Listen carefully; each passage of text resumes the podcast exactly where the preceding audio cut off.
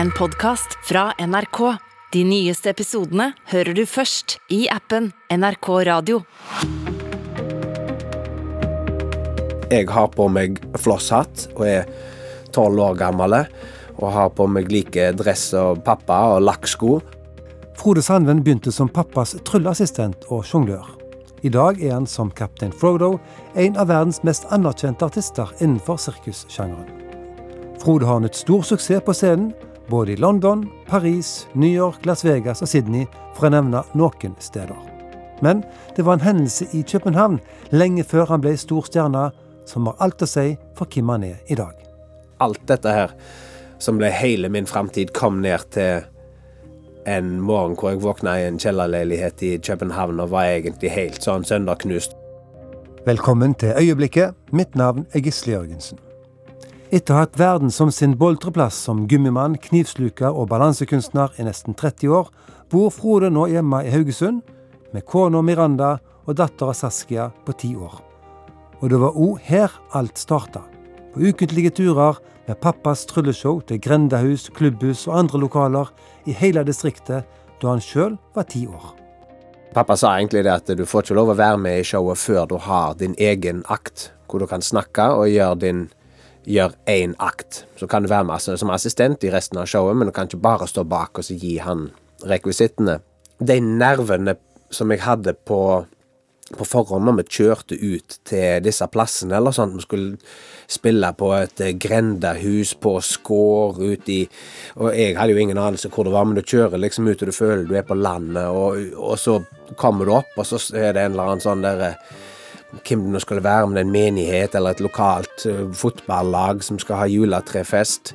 Og så kommer vi ut og skrur på uh, sirkusmusikken, han har sagt, og ruller inn. Pappa hadde jo lagd en sånn boks med forsterker i og sånt. og, og jeg var veldig nervøs sånn på forhånd, og sånt, men idet du kommer inn og publikum står der, og det inkluderer òg da selv når du bare står ute i gangen og venter på at nissen skal dele ut mandarinene, at du bare står der, og så kommer det noen unger forbi og stiller noen spørsmål, da kan jeg liksom skru på den showpersonligheten eller sånt, og da det er ingenting du kan gjøre for å forandre dette øyeblikket. Nå står det noen unger her. Jeg har på meg flosshatt og er tolv år gammel og har på meg like dress og pappa og lakksko.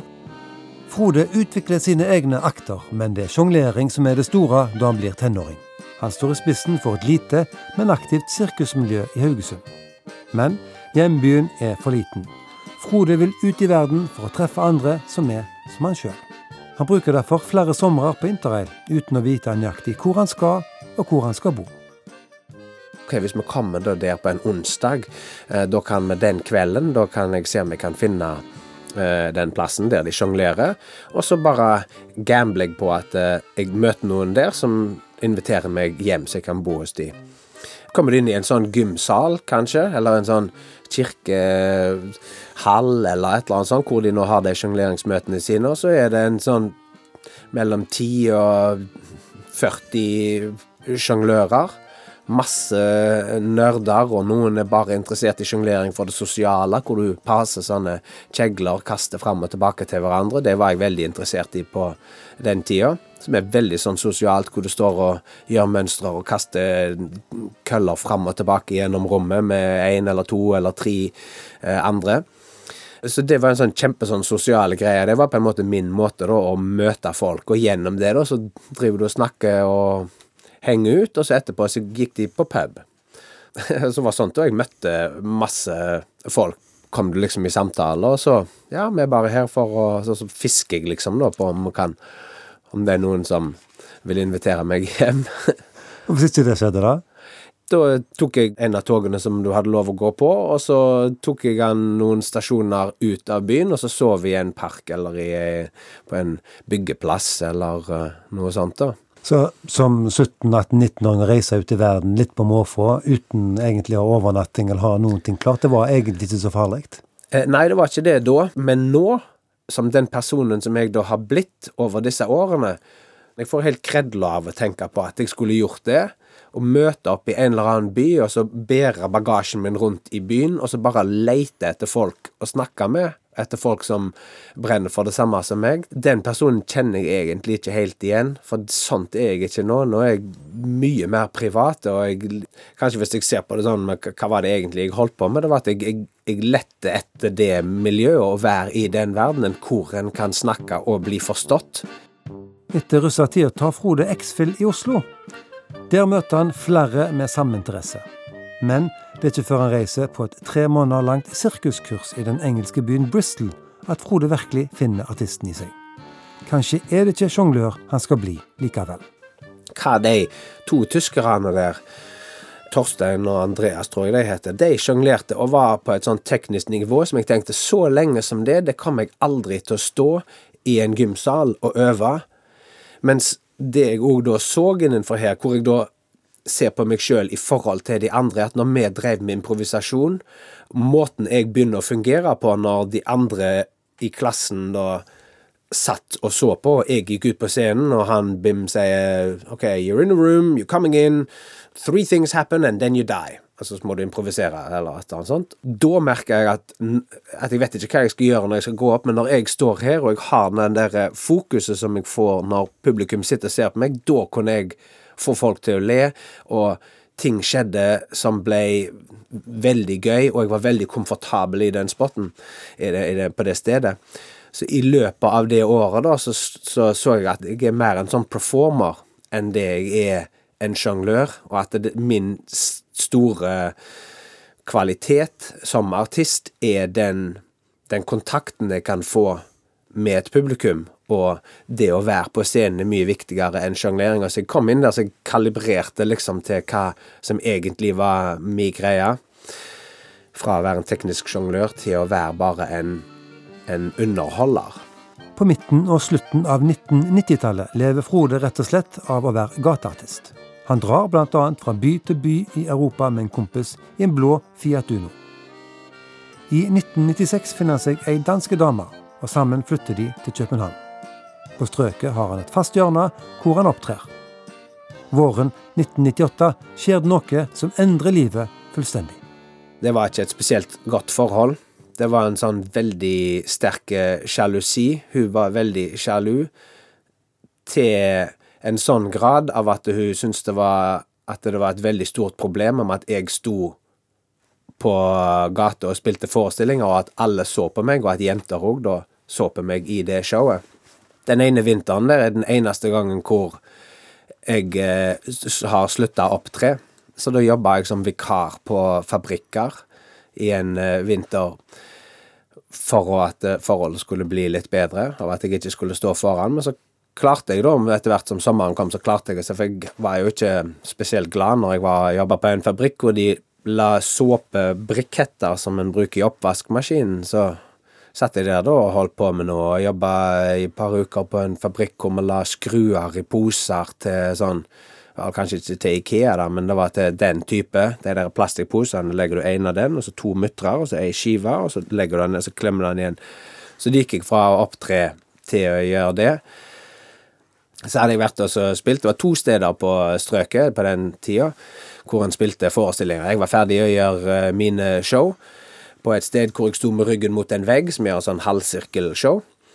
Uh, som det jeg gjorde, så var dette altså nede ved siden av det Storkespringvannet der så gjorde folk sånne store show. Så gikk jeg ned der, og der satt da kjæresten min, men så var det òg to gutter der som jeg ikke hadde sett før. Som viste seg at de var to australske artister. Så jeg sa dere kan bare komme hos meg, bo hos meg, og så sove Dere kan, parkere bilen ut forbi der som vi bor, og vi har dusjer. Kom dere og vær, vær hos oss. Og så den kvelden, da, så hadde vi Hva ble det Jeg husker ikke nå hva diskusjonen gikk ut fra, men da hadde jeg en krangel med henne igjen om et eller annet som hadde skjedd, og så ble det slutt, da. I, i løpet av den natta, mens disse to australierne lå inne. Men i løpet av den tida hadde vi fått en veldig god tone, bare i løpet av de Det var knapt nok 24 timer, eller sånn. Så sier han en etterpå ja, jeg hørte jo det, at det gikk jo veldig dårlig i går kveld. Hva var det som skjedde? Så jeg, ja, jeg var jo litt sånn hjerteknust og alt sånt. Så jeg, ja, ja, nå er det blitt slutt, og Ja, sier han, ja, men hva, hva skal du gjøre nå, da? Så jeg, nei, jeg vet ikke, jeg, så jeg har ingen aning om Sånn, sier han, ja, vil du ikke bare bli da? Det at, at jeg da i det øyeblikket bare sa jo, det vil jeg, og at jeg da reiste fra bilen min og tingene mine og leiligheten og alt. Da tok med gateshow-kofferten og en eh, ryggsekk og pakka noen klær. Og så reiste jeg vekk. Det er sånn som jeg da, når jeg ser tilbake på livet mitt, hvor det er alt som er foran det, og alt som da kommer etter det, kommer ned til ett sånn punkt med at alt godt i livet mitt som har skjedd etter den morgenen. Alt det jeg jobber, jeg har fått australsk kone, og datteren min ble født i Australia, og alle disse tingene. Så det Alt dette her, som ble hele min framtid, kom ned til en morgen hvor jeg våkna i en kjellerleilighet i København og var egentlig helt sånn sønderknust, og noen sa hei, her hiver jeg ei sånn livbøye til deg, vil du være med? Og at jeg var klar til å si ja. Det så det er det øyeblikket hvor alt på en måte sånn forandra hele karrieren og hele livet og sånn. En måned senere er Frode fortsatt på tur med de to australske gateartistene. Alle tre er med på Europas største sirkusfestival, Fringe-festivalen i Edinburgh. En dag stjeler noen tryllekofferten til Frode. Han står på bar bakke. Tjuveriet viser seg likevel å være en lykke, så Fringe Sunday det er, den, det er den største dagen på gata, europeisk gateartister sin kalender. Da kan du tjene mest mulig penger. Så da sier Shane du er nødt til å gjøre show i morgen. Jeg visste jo ikke hva dette var for noe, for jeg hadde aldri vært der før, og de hadde vært der flere år på rad. Dette, det her må du ha et show. Og så var det egentlig han Shane som sa det. Ja, men du gjør jo det slangemennesken-greiene. Det er jo noen som gjør sånn hvor de tar en sånn kleshenger eh, sånne vaierkleshenger, og så presser de seg gjennom en sånn. Og da kunne du jo gjort noen av de der tingene som du gjør i den andre rutinen med håndjern. Du kan gjøre den mens du går gjennom kleshengeren. Så det var gjennom hans forslag da, så satt jeg sammen og sa jeg har jo den der løgne tingen som jeg gjør med armen, hvor jeg kan snurre den rundt, og på den tida kalte jeg det ikke tennisalbu, da kalte jeg det helikopter. Så da gikk jeg fra å gjøre et helt eget show til å gjøre et helt nytt show, men da hadde jeg jo allerede, når den neste dagen, da, Fringe Sunday var slutt, da hadde jeg jo spilt den forestillingen seks ganger, så da var jo det allerede begynt å bli noe. Da er han jo allerede blitt sånn workshoppa da, live foran et publikum, og hadde allerede tjent meg en svær eh, pose med penger. Så var det en, John Kamikaze, som drev et show som heter The Kamikaze Freak Show som litt, hadde sånn kultstatus på slutten av 90-tallet. Og jeg var allerede interessert i dette. her, Jeg kunne allerede ta en spiker opp i nesen, og jeg hadde allerede eksperimentert med sverdsluking. og Så han så meg eh, presse meg gjennom en kleshenger på gata. John Kamikaze har du lyst til å bli med i min freak-familie og bli med og reise på turné med dette showet det er òg en sånn hvor den ene tingen leder til den andre. Han så meg gjøre det, og så var det John Kamikaze som sa det. At ja, men når vi skal gjøre det på scenen her nå, så spiller vi jo i store sånn, Spilte på universiteter og sånt der, så det er sånn 500-700 mann i salen, så de kan ikke se den der eh, veieren. Han går liksom bare inn i huden. Så du må gjøre det med noe annet. Men jeg har jo sett at folk gjør dette her med en sånn tennisracket, at de presser seg igjennom. Så det var sånn at jeg endte opp med en tennisracket, og det som da ble varemerket mitt, eller som ble liksom min sånn greatest hit.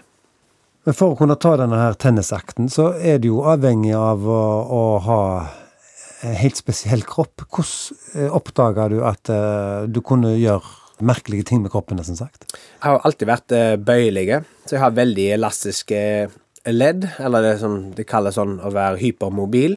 Men så har jeg jo da øvd meg i tillegg, da, sånn at jeg var for eksempel ikke så Lårmusklene mine var ikke naturlig eh, eh, strekkete, så det hadde jeg øvd meg opp til. og sånn Så det Så det er på en måte å ta det lille jeg har blitt gitt, med at jeg har eh, skuldre som kan bøyes ut av ledd, og albuer som kan gjøre løgne ting, og hofter òg, sånn sett, som kan liksom poppe.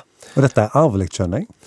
Ja, det er visst det. Nå var jeg ikke klar over dette her, for søstera mi har det òg, og dattera mi har det men det å finne ut hvordan en skal bruke det, det har kanskje da vært en, en, en, utfordring? Det har vært en utfordring, og så å kunne gjenkjenne det som noe unikt og fantastisk i seg sjøl. For når du har, bor i kroppen din hver dag, så det begrensningene til din egen kropp, eller hva han kan eller ikke kan, er jo hverdagen min.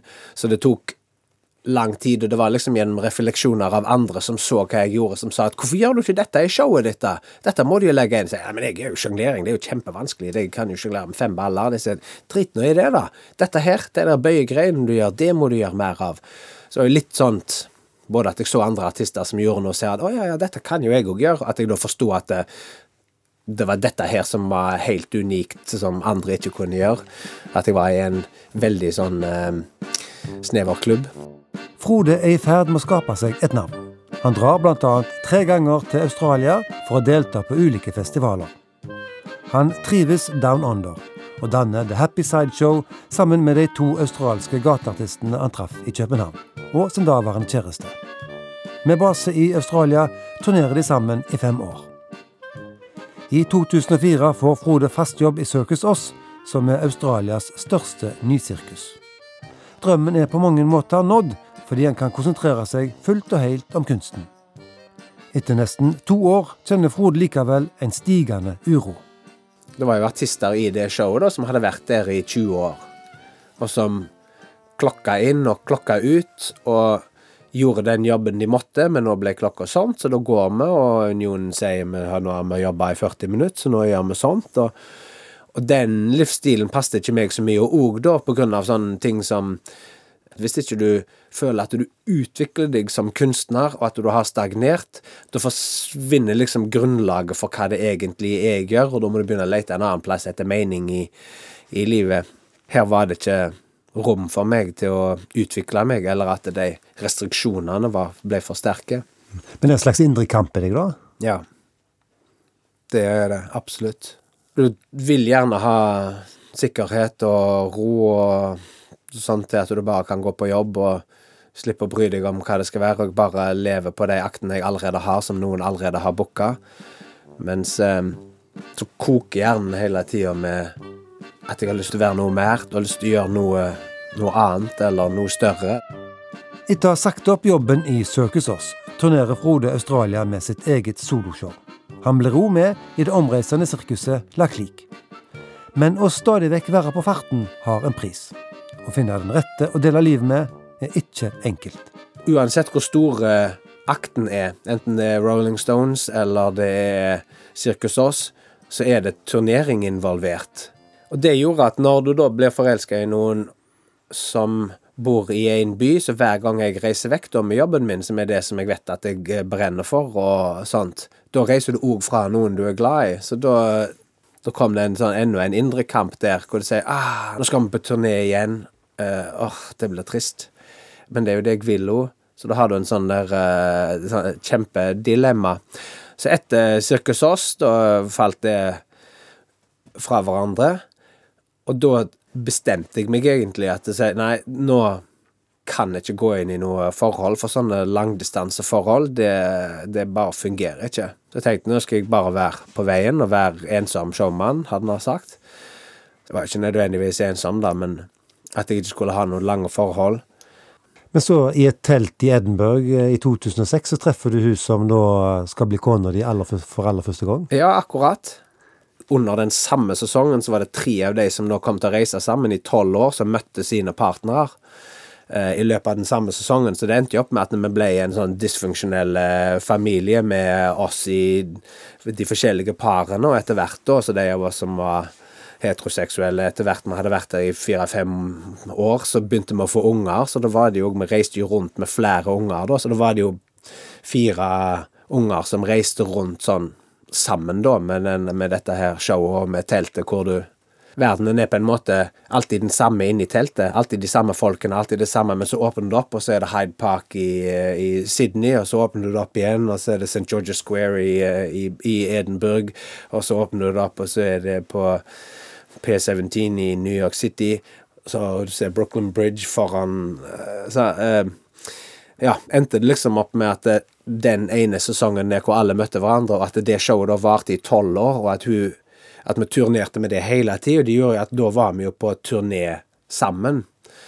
Så hvis jeg hadde vært turnert rundt på alle tusen forskjellige plasser, og u, helt u, så da hadde det nok ikke fungert. Men det var det er jo en sånn confluence, hvor en sånn synergi av alt som kom sammen til at det passet perfekt.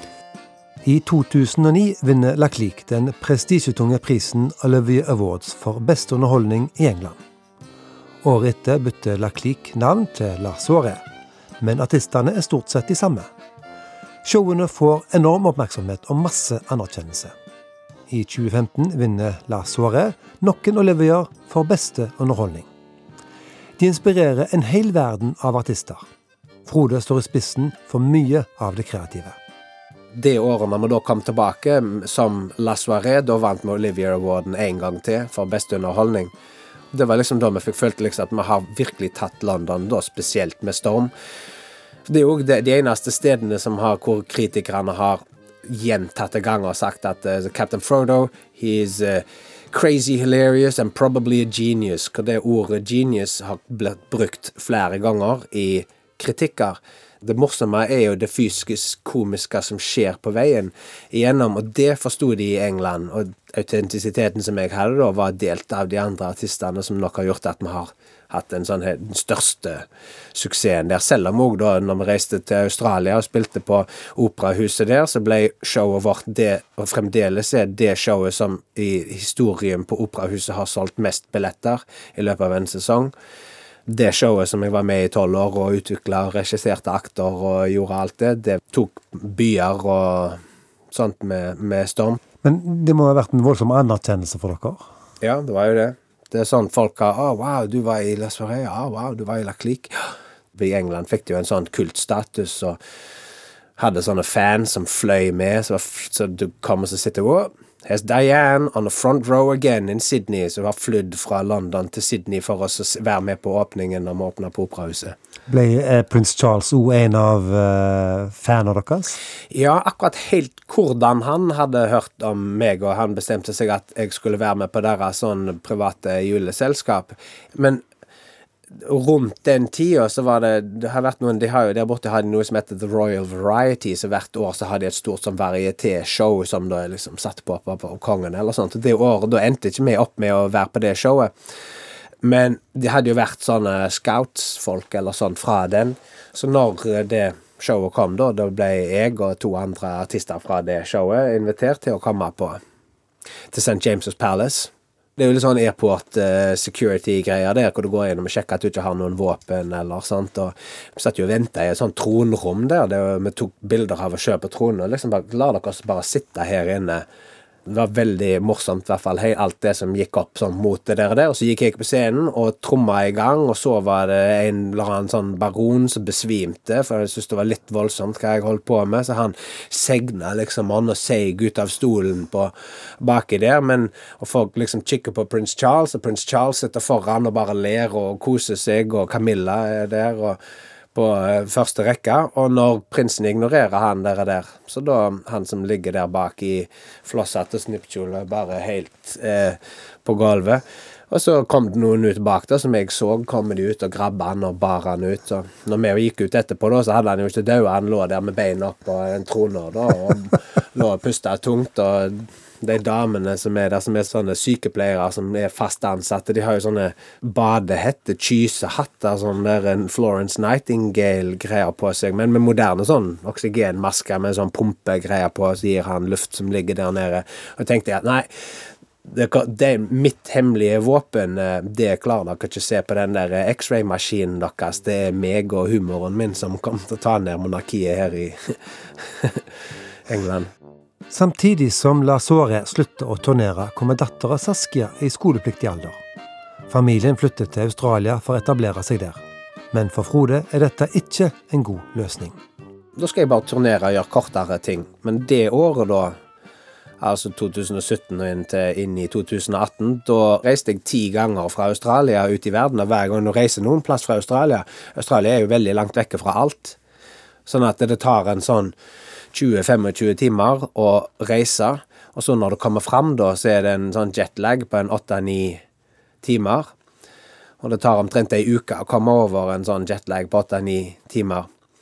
Så det er jo at hvis jeg reiste til Europa for å gjøre, spille på en uh, festival og, og sånn, spille der i tre-fire dager og en der dag før en dag etterpå, så jeg vekker ei uke, så det er akkurat nok til at du går gjennom sånn jetlag hvor du ikke vet hvem, helt hvem du er, og du har ikke du har landa, men sjelen din er ikke kommet fram igjen, og du er litt sånn utenfor. Så etter et år med det, da, så ble jeg da klart for oss at dette er ikke et eh, bra alternativ, det vi må gjøre noe annet enn dette. Og da når jeg er Da blir det jo dårlig humør og sånt, og at eh, Miranda må ha alle ansvaret for barneoppdrett hjemme i store perioder av det. Men når jeg da får en jobb og jeg skal reise og gjøre det som jeg egentlig da har lyst til, så får jeg samtidig det ah, nå reiser jeg jo fra deg, og det har jeg jo ikke lyst til. Så nå fikk jeg den der kampen nå en gang til. Men så tok de kontakt fra Las Vegas, da, et show som jeg hadde, en sånn kompani som jeg hadde jobba med før. Hva sier du? Er det på tide å komme til Las Vegas? Og da tenkte jeg yes! Perfekt! Ti show i uka, fem dager i uka. Og så to dager helg på mandag-tirsdag. Dette blir bra. Og det var det jo. I Las Vegas bor Frode og familien i et hus med svømmebasseng. Han får med i kontrakten at han kan dra til Danmark sommeren 2018 og 2019 for å være med på Sirkus Nemo. For Frode er dette et kreativt pusterom som er viktig. Men høsten 2019 er det slutt på pendlingen mellom USA og Europa. Familien ser for seg å bli værende i Las Vegas i flere sesonger. Nå tar vi bare å komme inn i dette livet hvor jeg, eh, jeg, finner nye måter å bli kreativ på. Forestillingene gjør skal være akkurat sånt og sånt, og jeg kan ikke gå lenger, kan ikke gå kortere, må være akkurat sånn. Men da finner jeg andre kreative utløp. og jeg, Da jeg begynte med planene om å lage podkasten min og alt dette her. Så nå, da kom oktober, november, desember, og så begynte vi å høre da om på nyhetene om at å ja, et eller annet sånn der sykdom eh, sånt. Og så januar kom, og så februar kom, og nå tok det helt av i Italia. og folk var, Allikevel så var dette her bare like relevant til meg som det var når uh, SARS kom på Det var jo ei greie, men det, var, det har ikke noe med oss å gjøre. Og så plutselig da fikk vi ekstraordinær beskjed. Nå kommer sjefen, flyr over fra New York og skal snakke til alle. Da var det 11. mars. Uansett hva som skjer gjennom dette som skjer nå, da kommer vi til å være åpne gjennom hele. Og så fortalte han litt mer informasjon. Han, og bare uansett hva som skjer, kommer vi til å være åpne. Og så litt mer informasjon. Uansett hva som skjer, kommer vi til å være åpne. Og da hørte jeg Nå kommer vi til å stenge ganske snart. Og så viste det seg da at showet klarte jo ikke å holde seg åpent. Det gikk det to dager, og så stengte det. Og så sa de nå stenger vi. stenger vi i tre uker. Men så tok jeg det halvannet år, det. Det er jo alle mulige slags ting som er satt inn for at en skal bli tatt vare på etterpå. Men når pandemien kom, da ble vi betalt for to dager til. Og så slutta all, eh, all betalinga. Og vi som er midt i Amerika, det var sånn at jeg er knytta til de som har ansatt meg, så jeg kan ikke jobbe noen annen plass. Så ble det ganske fort eh, klart at vi, vi, vi, kan jo ikke være her i Las Vegas, for vi har jo ingen mulighet til å tjene penger, sånn at pengene bare går ned, og husleie og forsikringer og alt blir jo da betalt og går nedover. Så plutselig så var alt oppe i lufta, da hadde ingenting, og samtidig så var jo alle de tingene jeg kunne gjøre, alt, all kompetansen jeg har i verden, er jo tilknytta å ha mennesker samla. Og det var jo akkurat det som, var som jeg ikke kunne gjøre når pandemien kom. Så da ble jo hele min eh, karriere og alle mine ferdigheter ble helt ubrukelige i løpet av eh, bare fra en dag til neste dag. Hva tanker gjør du deg eh, da når du må bestemme deg for enten å bli i USA, flytte til Australia eller flytte til Norge? Hva er det som på en måte rører seg da? Veldig stressende og ikke å vite hvor vi kunne være hen, om vi fikk oppholdstillatelse til Miranda her, og, eller sånt. Vi burde jo få det, for det eneste kriteriet for å få en sånn familiegreie er jo at vi er gifte, alt sånt som det, men det, det, at det tok ni måneder å få bekreftelse på at vi faktisk var gift, det er jo, det er jo et veldig tregt system. Så gjør jo at du tenker, så må du jo skrive inn på skole her, og så skriver vi det òg inn på skolen i Las Vegas, for vi trodde jo da at vi skulle tilbake til Las Vegas når dette begynte, og så skriver vi det inn på skolen til Australia i tilfelle Norge ikke fungerer og vi må reise. Så da satt vi jo her i eh, sånn i løpet av eh, vinteren mens vi venta, og Miranda kunne ikke jobbe, og mm, ingen fikk lov å møte noen, som gikk jo fra å være i vår sånn drømmesituasjon hvor pengene alt, ingen var ingen problemer, og vi var med gamle venner, og vi var sånt, og til at vi hadde ingenting, og vi visste ikke hvor vi skulle være, eller hvor vi skulle gjøre av oss. og og økonomien gikk jo Vi hadde jo penger, og vi har eiendommer som var ikke sånn så galt av sted som noen kanskje var. Det gjør jo at alt var jo helt sånn flytende. Du visste ingenting av hva du kunne gjøre, og så ja, fikk jeg jobb som sånn, sånn assistent på, eh, på Steinerskolen. Så det som jeg da ser, det er jo at eh, fra å være ganske fri til å kunne egentlig reise hvor du vil, så må du nå ta helt andre hensyn, for du har familie og ei datter. Ja. Og det er jo det som da er blitt, eh, eller som, er det viktigste, sånn at den avgjørelsen med å skulle bli i Norge nå, ble jo ikke tatt fordi det var nødvendigvis verken den beste tingen sånn karrieremessig eller økonomisk sett for vår familie, eller selv sånn emosjonelt sett, så jeg er jo kanskje litt mer en einstøing enn det Miranda er. Poenget var da med den avgjørelsen vi har tatt med å bli her, er jo da på grunn av uh, Saskia. For at vi skal gi henne røtter i et sted hvor hun faktisk har oppholdstillatelse. Sånn at det er alle disse tingene da som har gjort at vi har uh, sånn personlige ting som er relatert til familie, som har gjort at jeg nå er At vi har blitt her i Norge. Men hva med deg, da? Som uh, gummimann eller som tryllekunstner, sjonglør, showman. Hvordan går det med deg? Jo, meg går det bra med. Ja, Som sånn menneske så er det jo i hvert fall veldig godt å være her. Og jeg har pappa her, for eksempel, som har uh, verkstedet sitt. Når jeg forteller han om at uh, ja, jeg skal holde på å lage et nytt uh, ny forestilling, hel en times ny barneforestilling, og en av komponentene skal være et loppesirkus. Og da tenker jeg at jeg trenger en rekvisitt som er sånn, og så trenger jeg den, og så trenger jeg den og at han da kan si det er veldig spennende, og så kommer jeg tilbake igjen, og så har han allerede begynt å bygge det, og så ser vi på han, og så lager vi justeringer, og menneskelig så er jo det veldig, veldig kjekt. Betyr det at uh, både artisten Kaptein Frodo og familiefaren Frode er på et godt sted? Ja, det gjør det. Det gjør det. Men det er aldri Men det er, det er ennå en uro. Hvem vet hvor vi skal være, eller hva vi skal gjøre framover. Ja, For du har et uh, stående tilbud fra Las Vegas? Det har jeg. De var ikke så glad, de heller, da, når jeg fortalte de at vi ikke skulle komme tilbake. Frode, hvis uh, vi ser tilbake uh, på krangelen med kjæresten i København for uh, 25 år siden, og valget du gjorde om å reise fra henne, hva, hva tanker gjør du om det i dag? Alt det som jeg er aller mest glad i nå, og det som alle følelsene mine og tankene mine sirkler rundt, den kunstneren jeg har blitt, alt går jo tilbake til det der, der sånn at da er alle de årene hvor jeg da ble overbevist om at det var bedre å jobbe på fabrikk enn å gjøre show, sånn at forholdet skulle fungere litt bedre. Alle de tingene jeg gjorde for å holde det i vater, helt til det da brast på den siste. Nettopp det at det brast akkurat den kvelden når vi hadde besøk som vi ikke kjente, som sov i rommet ved siden av. Det er jo det som har gjort at hele resten av livet. Det er akkurat som det heter det, navet, det som alt har snurra rundt på. Så da tar en det unna med det gode. Eller det gode med det onde. Vil ikke forandre det for alt i verden. Valgene vi gjør, former livet vårt. Det er Frode Sandven et godt eksempel på. Kjenner du noen som har tatt lignende livsavgjørende valg som Frode? Tips meg gjerne på gisle.jorgensen krøllalfa nrk.no. Denne episoden av Øyeblikket er produsert av Marte Synnøve Johannessen og Gisle Jørgensen. Du har hørt en podkast fra NRK.